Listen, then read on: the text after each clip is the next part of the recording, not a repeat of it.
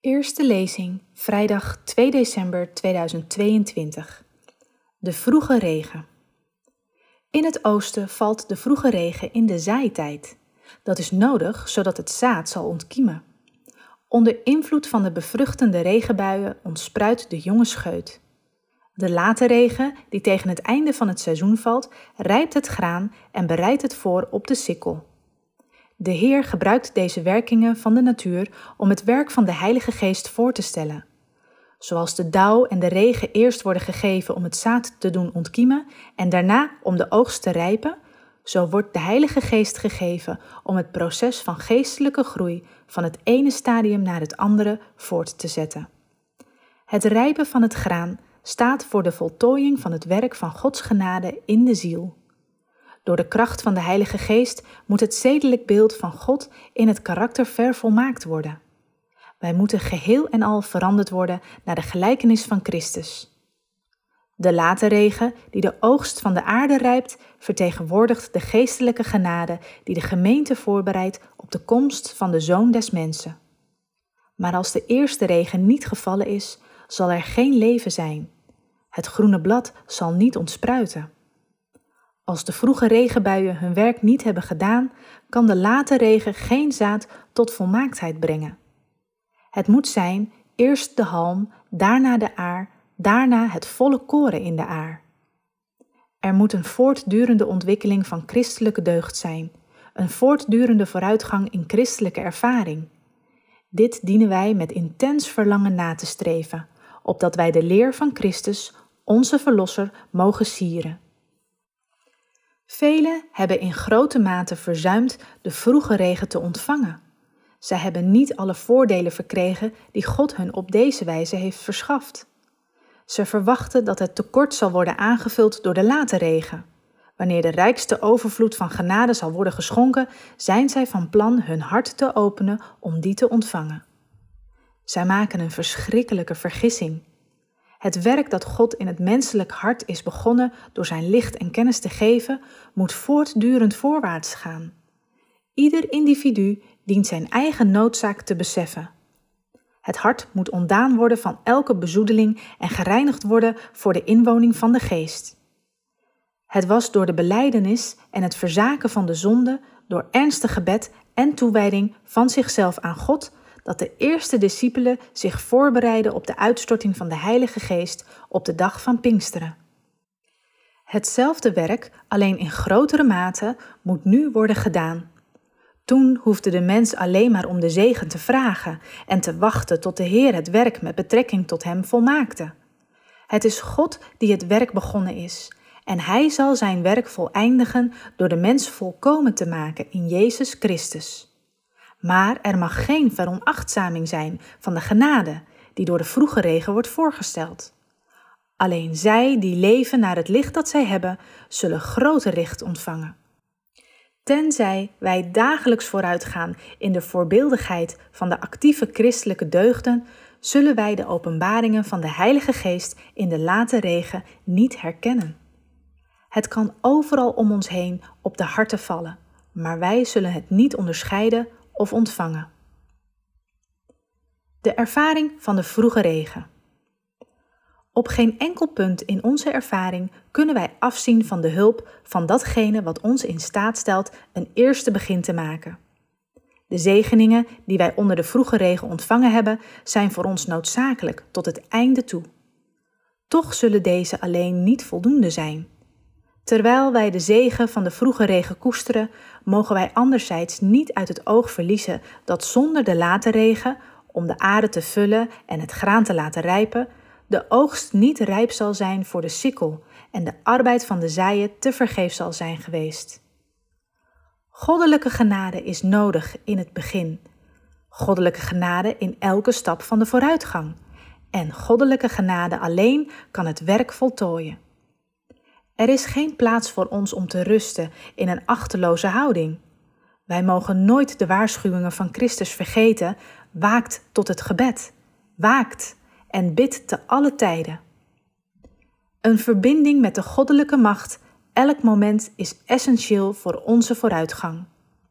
Wij mogen dan een mate van de geest van God hebben gehad, maar door gebed en geloof dienen wij onophoudelijk meer van de geest te zoeken. Het is nooit goed om onze inspanningen te staken. Als wij geen vooruitgang boeken, als wij ons niet in een houding plaatsen om zowel de vroege als de late regen te ontvangen, zullen wij onze ziel verliezen en de verantwoordelijkheid daarvoor zal voor onze eigen deur liggen. Begeert van de Heere regen ten tijde van de spaderegen. Zacharia 10, vers 1. Wees niet tevreden dat er in de normale loop van het seizoen regen zal vallen. Vraag erom. De groei en volmaaktheid van het zaad berust niet bij de landman. God alleen kan de oogst laten rijpen, maar de medewerking van de mens is vereist. Gods werk voor ons vereist de actie van ons verstand, de oefening van ons geloof. Wij moeten Zijn gunsten met geheel ons hart zoeken als de regens van genade tot ons willen komen. Wij moeten elke gelegenheid aangrijpen om onszelf in het kanaal van zegen te plaatsen. Christus heeft gezegd: Want waar twee of drie vergaderd zijn in mijn naam, daar ben ik in het midden van hen. Matthäus 18, vers 20.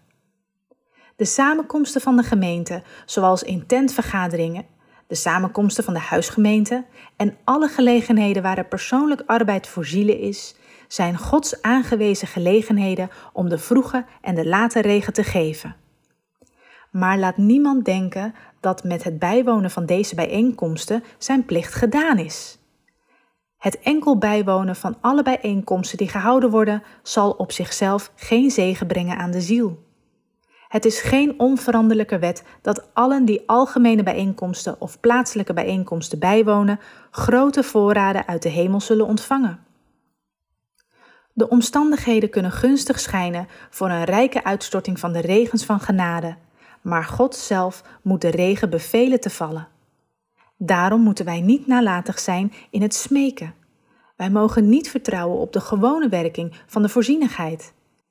Wij moeten bidden dat God de fontein van het water des levens zal ontsluiten. En wij moeten zelf van het levende water ontvangen. Laat ons met berouwvolle harten zeer ernstig bidden dat nu, in de tijd van de late regen, de regens van genade op ons mogen vallen. Bij elke bijeenkomst die wij bijwonen, dienen onze gebeden op te stijgen, opdat God juist nu warmte en vochtigheid aan onze ziel zal geven. Als wij God zoeken om de Heilige Geest, zal deze in ons zachtmoedigheid, nederigheid van geest en een bewuste afhankelijkheid van God werken voor de volmaakte late regen. Als wij in geloof om de zegen bidden, zullen wij die ontvangen zoals God het heeft beloofd. De voortdurende communicatie van de Heilige Geest aan de gemeente wordt door de profeet Zacharia voorgesteld onder een andere afbeelding die voor ons een wonderbare les van bemoediging bevat.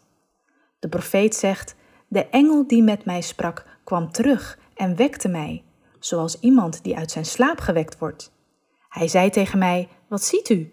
En daarop zei ik: Ik zie en zie een kandelaar, geheel van goud, met een olievaatje aan de bovenkant ervan, en daarbovenop zeven bijbehorende lampen, met telkens zeven toevoerbuisjes aan de lampen, die daarboven zitten met twee olijfbomen ernaast. Eén aan de rechterkant van het olievaatje en één aan de linkerkant ervan. Ik antwoordde en zei tegen de engel die met mij sprak: Mijn heren, wat betekenen deze dingen? Daarop antwoordde hij en zei tegen mij: Dit is het woord van de Heere tot Zerubabel. Niet door kracht en niet door geweld, maar door mijn geest, zegt de Heere van de legermachten. En voor de tweede keer antwoordde ik en zei tegen hem: wat betekenen die twee olijftakken die door twee gouden buisjes gouden olie uit zich weg laten lopen? Daarop zei hij: Dat zijn de twee gezalfden die bij de Heere van heel de aarde staan. Zacharia 4, vers 1 tot 4, 6, 12 en 14.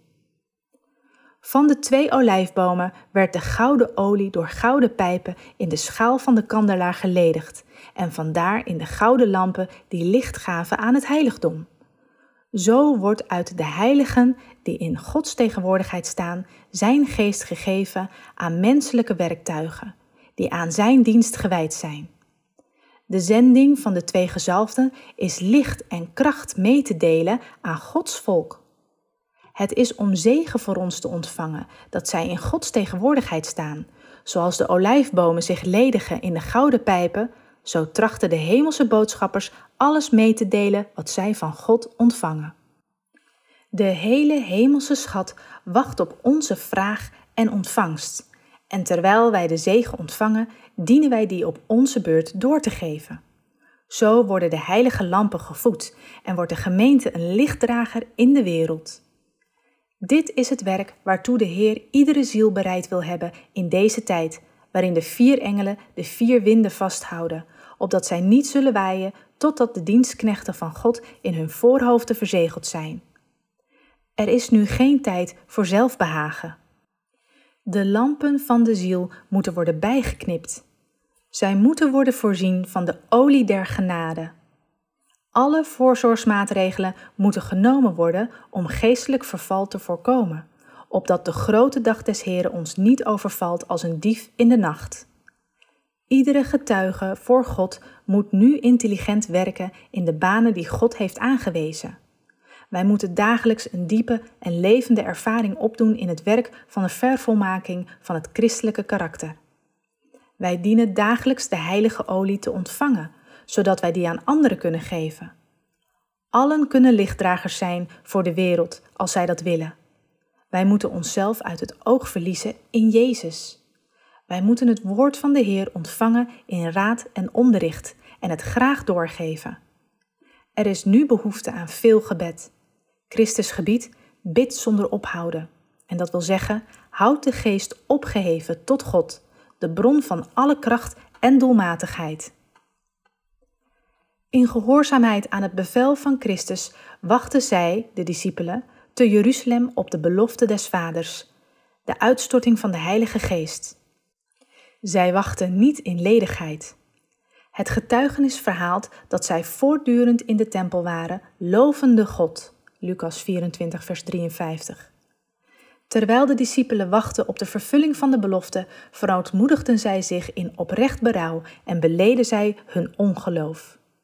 De discipelen baden met grote ernst om in staat te worden gesteld de mensen te bereiken en in hun dagelijkse omgang de woorden te spreken waardoor zondaren tot Christus zouden worden geleid. Alle geschillen, elk verlangen naar voorrang uit hun gemoed verdrijvend, sloten zij zich als broeders in Christus dicht aaneen. Let wel op dat pas nadat de discipelen tot een volmaakte eenheid waren gekomen en zij niet langer twisten om de hoogste plaats, de geest werd uitgestort. De uitstorting van de geest in de dagen der apostelen was het begin van de vroege regen en glorierijk was het resultaat. Tot het einde der tijd zal de geest bij de ware gemeente vertoeven. De resultaten van de vroege regen. En onder invloed van de geest vermengden woorden van berouw en belijdenis zich met lofzangen voor de vergeven zonde. Duizenden werden op één dag bekeerd.